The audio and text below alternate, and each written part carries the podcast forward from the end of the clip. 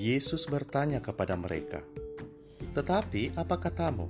Siapakah aku ini?" Maka jawab Simon Petrus, "Engkaulah Mesias, Anak Allah yang hidup." Matius pasal 16 ayat 15 sampai 16. Saudara-saudaraku terkasih, ketika Tuhan Yesus bertanya, "Siapakah Anak Manusia itu?" Rasul Petrus, paus pertama kita, yang atasnya gereja didirikan, dengan tegas menjawab dalam kepenuhan Roh Kudus, "Engkaulah Mesias, Anak Allah yang hidup." Pengakuan Petrus ini sebenarnya adalah cikal bakal pengakuan iman kita Pertanyaan Tuhan kita dalam Injil hari ini menunjukkan bahwa Tuhan menghendaki para pengikutnya untuk tidak abu-abu dalam beriman.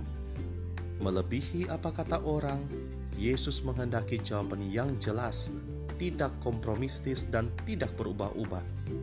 Itulah pengakuan iman kita.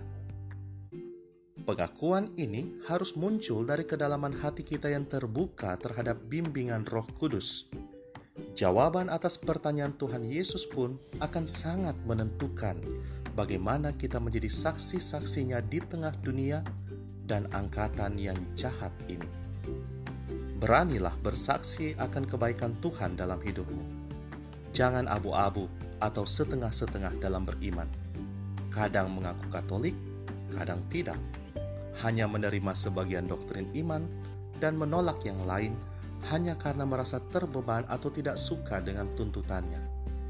Sikap suam-suam kuku demikian adalah kejijikan di mata Tuhan.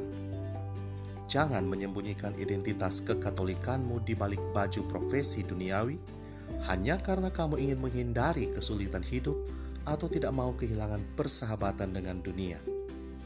Barang siapa malu mengakui imannya akan Tuhan Yesus Kristus, akan mendapati dirinya tak dikenal di depan pintu surga dan dienyahkan ke dalam siksa neraka.